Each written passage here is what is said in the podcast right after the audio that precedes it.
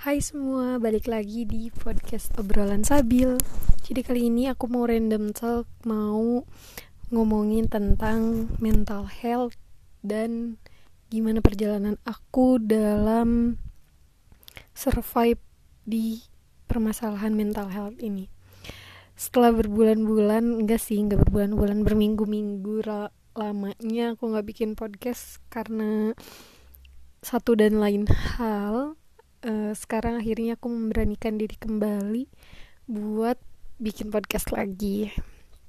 Sudah ada beberapa pertanyaan masuk dari teman-teman semua terkait uh, topik yang akan kita bahas kali ini. Topik yang kali kali ini kita bahas tentang mental health. Sejauh ini aku pernah cerita bahwa di podcast aku episode kedua kalau nggak salah apa ketiga ya aku pernah cerita tentang mental health bahwa aku memang memiliki gangguan uh, depresi. Jadi uh, aku per, udah berapa kali ya check up ke psikiater dan diponis depresi untuk sementara. Sampai saat ini aku masih observasi untuk menemukan penyakit sebenarnya itu apa. Nah, uh, ada pertanyaan yang masuk nanya apa yang dirasa pertama kali.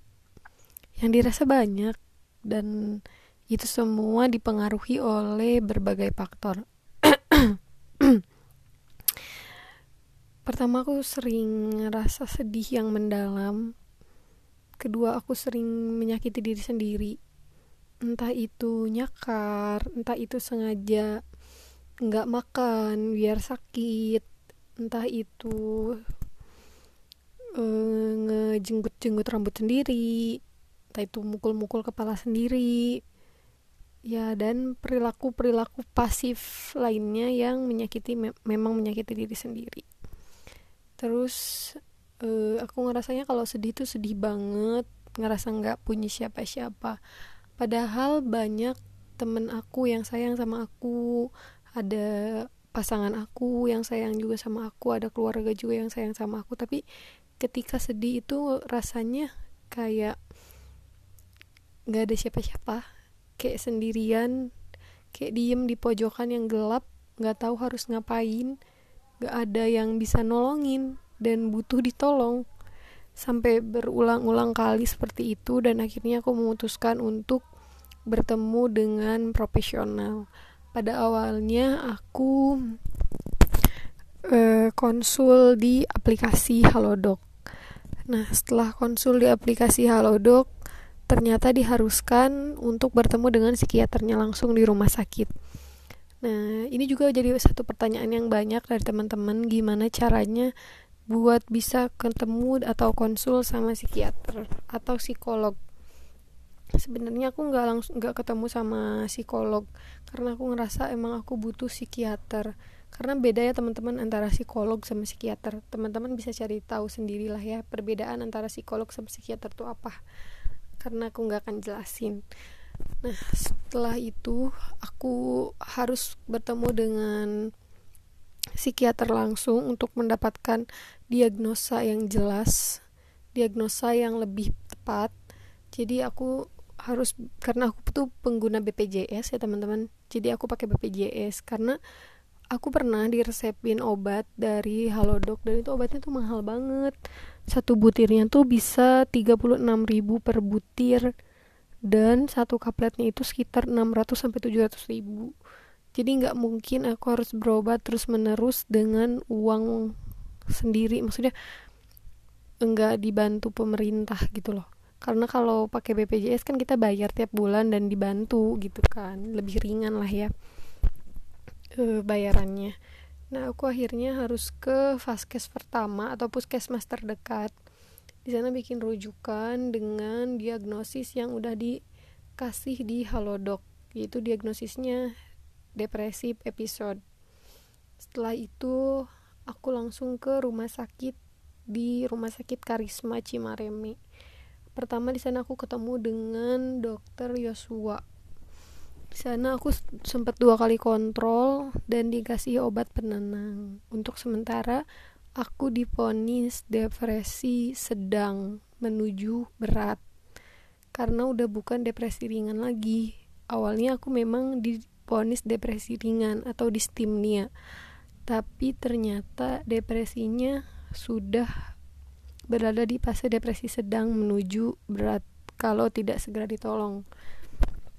Nah akhirnya setelah di konsul di rumah sakit e, Cimareme aku mendapatkan banyak obat terutama obat penenang sama obat anti cemas atau anxiety. Akhirnya dokter di rumah sakit Cimareme itu nggak sanggup untuk ngobatin aku karena obat-obatannya kurang lengkap akhirnya aku dirujuk ke rumah sakit jiwa Provinsi Jawa Barat yang ada di Cisarua. Di sana aku ditangani oleh dokter Indah. Dan ketika aku harus masuk rumah sakit jiwa itu awalnya kaget banget. Karena ya aku juga tidak menaif tidak naif kalau masih ada stigma-stigma bahwa rumah sakit jiwa itu hanya untuk orang-orang gila orang gila dalam tanda kutip. Padahal ya mereka juga memiliki gangguan mental dengan ke apa ya dengan keseriusan yang berbeda gitu. Nah setelah aku ketika ngedengar ponis bahwa aku harus uh, rawat jalan di sana cukup kaget dan sampai nggak bisa tidur karena dokternya bilang ini harus secepatnya ke rumah sakit jiwa karena ada something wrong with my mind. Ada satu yang salah dari pikiran aku yang memang harus dicepat-cepat ditangani dengan obat yang lebih tepat. Akhirnya aku ke rumah sakit jiwa sendirian gak ada yang nganter. Orang tua aku pun gak tahu. Sampai saat ini orang tua aku belum tahu bahwa aku berobat di rumah sakit jiwa. Dan sekarang kemungkinan terbesar yang terjadi pada aku adalah aku penderita bipolar disorder Ya, karena aku sering mengalami dua episode kehidupan, mengalami dua episode emosi, yaitu emosi depresi dan manik. Nanti aku bakal jelasin lebih jelas lagi tentang bipolar disorder di lain episode. Sekarang aku cuma mau generalnya aja. Setelah aku di sana di rumah sakit jiwa tuh dikasih obat yang banyak banget. Yaitu tadi obatnya ada obat bipolar ada obat penenang obat anxiety obat untuk trauma. Karena jujur aku mengalami banyak trauma masa kecil yang sampai saat ini mungkin masih jadi trigger terbesar aku. Kayak aku tuh nggak bisa ngedenger orang teriak-teriak marah-marah nggak bisa terus aku tuh suka pusing kalau banyak orang karena ya tadi anxiety panik cemas kalau banyak orang tuh. Dan banyak lagi trauma-trauma yang cukup mengganggu keseharian aku atau aktivitas aku. Nah banyak juga dari teman-teman yang tanya ke aku aku pengen aku butuh pertolongan psikiater tapi aku belum berani. Ayo berani kalian butuh ditolong jangan pernah menunda waktu untuk ketemu sama profesional. Karena tidak ada apa ya jangan sampai kalian meringankan sesuatu yang berat dan memberatkan sesuatu yang ringan dengan melakukan self diagnosis jadi lebih baik bertemu dengan ahlinya dengan profesional langsung. Dan ya memang uh, orang-orang dengan gangguan mental seperti aku ini memang masih belum menemukan tempat di masyarakat. Ketika aku orang sekitar ada yang tahu aku berobat ke rumah sakit jiwa, mereka kayak bilang itu tuh harus dirukiah sebenarnya nggak usah berobat ke rumah sakit. Lucu sih penyakit mental tapi kok diobatinnya rukiah. Aku nggak kurang-kurang iman kok. Uh, bahkan gak jarang aku nangis ketika sholat sesegukan mohon-mohon ke Allah aku tuh nggak mau di keadaan seperti ini. Tapi karena memang jalan sembuhnya tidak cukup dengan hal seperti itu akhirnya aku memutuskan untuk meminta pertolongan. Karena terkadang orang-orang dengan gangguan mental apalagi trauma masa kecil seperti aku itu bukan bu bukan butuh dinasehati tapi cukup butuh didengar saja kita tuh nggak perlu dikasih tahu buat sabar buat ikhlas buat menerima buat bersyukur. Kita selama ini tuh udah bersyukur udah bersabar udah ikhlas. Ya tapi mau gimana? Namanya penyakit namanya luka ya harus diobatin. Nggak mungkin luka itu dibiarin.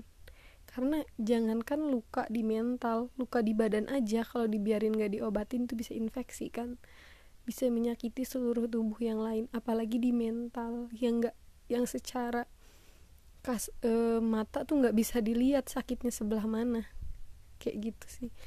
Makanya ketika ada teman-teman yang nanya ke aku gimana caranya aku akan dengan senang hati menjawab bagaimana cara bertemu dengan psikiater.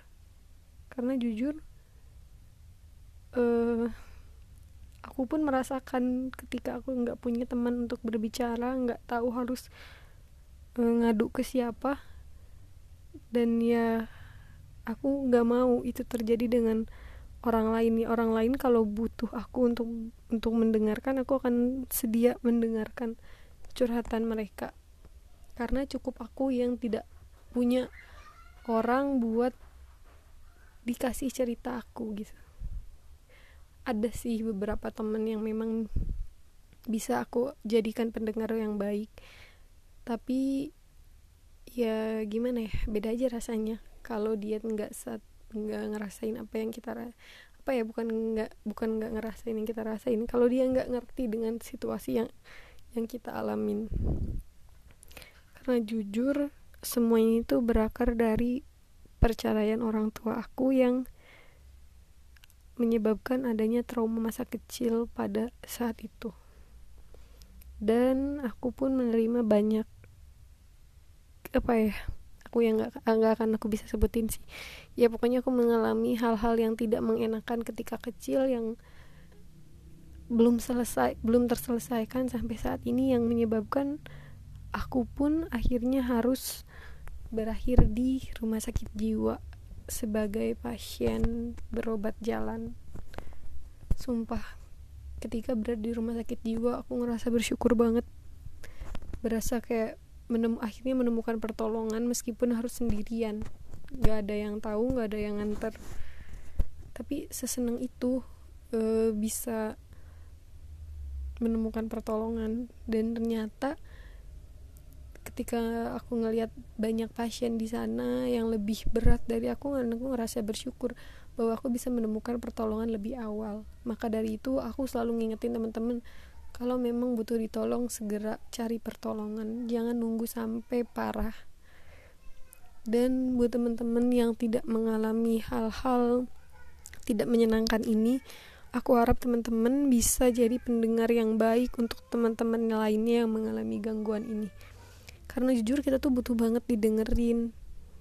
Cukup didengerin aja. Kita nggak butuh saran kok. Kita tahu cara kita untuk uh, survive. Kita cuman saat itu tuh cuman kayak pengen ngeluh aja pengen marah dengan keadaan. Ya setelah emosi kita terluapkan ya besok juga baik-baik lagi aja kok.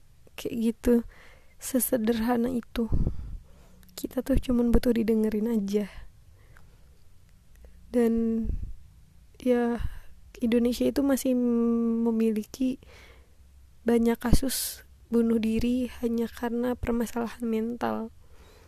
Bahkan di dunia pun uh, mental health itu menjadi pembunuh terganas kedua dibandingkan penyakit-penyakit fisik yang berbahaya.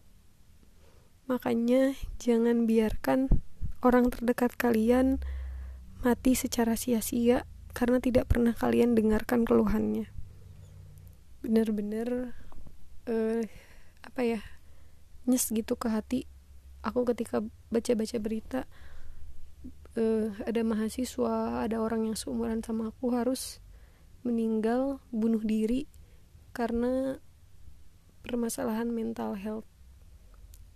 Ya cukup miris sih. Maka dari itu aku pesan sama teman-teman semua Kalian yang bermasalah segera cari pertolongan. Dan kalian yang tidak bermasalah tolong jadilah pendengar yang baik untuk kami yang bermasalah. Karena kami butuh didengar. Cuman butuh didengar aja sih. Gak lebih dari itu. Kita cuman butuh temen. Temen buat ngedengerin.